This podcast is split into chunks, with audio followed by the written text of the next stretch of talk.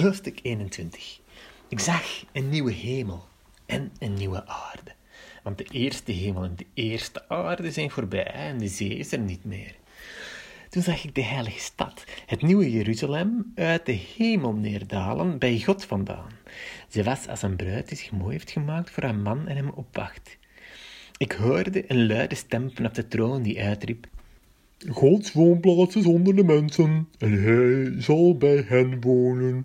Zij zullen zijn volken zijn, en God zelf zal als hun God bij hen zijn. Hij zal alle tranen uit hun ogen wissen. Er zal geen dood meer zijn, geen rouw, geen jammerklacht, geen pijn. Want het eer, want wat er eerst was, is voorbij. Hij die op de troon zat, zei: Alles maak ik nieuw. Ik hoorde zeggen: Schrijf het op, want wat hier wordt gezegd is betrouwbaar en waar. Toen zei hij tegen mij: Het is voltrokken. Ik ben de Alpha en de Omega, het begin en het einde. Wie dorst heeft, geef ik vrij te drinken uit de bron met water dat leven geeft. Wie overwint, komen al deze dingen toe. Ik zal zijn God zijn en hij zal mijn kind zijn. Maar voor hen die laf en trouwloos zijn geweest, die zich hebben ingelaten met gruwelijke dingen, met moord, ontucht, toverij of afgodsdienst, voor allen die de leugen hebben gediend, hun deel is de vuurpoel met brandende zwavel. Dat is de tweede dood.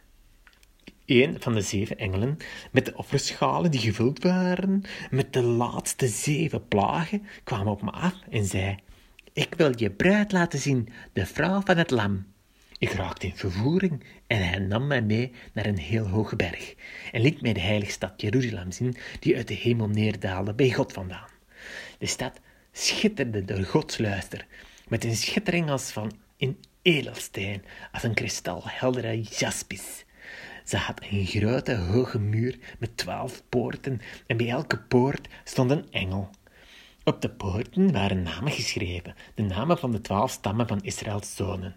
Vanuit het oosten gezien waren er drie poorten, vanuit het noorden drie, vanuit het zuiden drie, vanuit het westen drie. De stadsmuur had twaalf grondstenen met daarop de namen van de twaalf apostelen van het Lam. Degene die met mij sprak, had een gouden meetstok om daarmee de stad, de poorten en de muur op te meten. De stad was vierkant, even lang als breed. Hij mat de stad met zijn meetstok. 12.000 stadi, zowel in de lengte als in de breedte en in de hoogte. Hij mat de stadsmuur. 144 L in gewone mensenmaat, die ook engelenmaat is. De muur was gemaakt van jaspis en de stad zelf was van zuiver goud, helder als glas. De grondstenen van de stadsmuur waren versierd met allerlei edelstenen.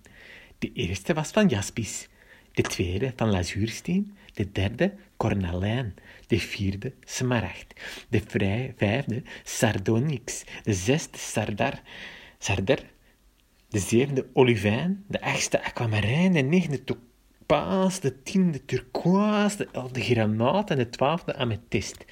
De twaalf stadspoorten waren twaalf parels, elke parel een poort op zich. Elke poort een parel op zich. De straten van de stad waren van zuiver goud en schitterden als glas. Maar een tempel zag ik niet in de stad, want God, de Heer, de Almachtige, is haar tempel, met het lam. De stad heeft het licht van de zon en de maan niet nodig. Over haar schijnt Gods luister, en het lam is haar licht. De volken zullen in haar licht leven en de koningen op aarde betuigen daar hun lof. De poorten zullen overdag nooit gesloten worden en nacht zal het er niet meer zijn. De volken zullen in haar, eh, in haar hun lof en eer komen betuigen.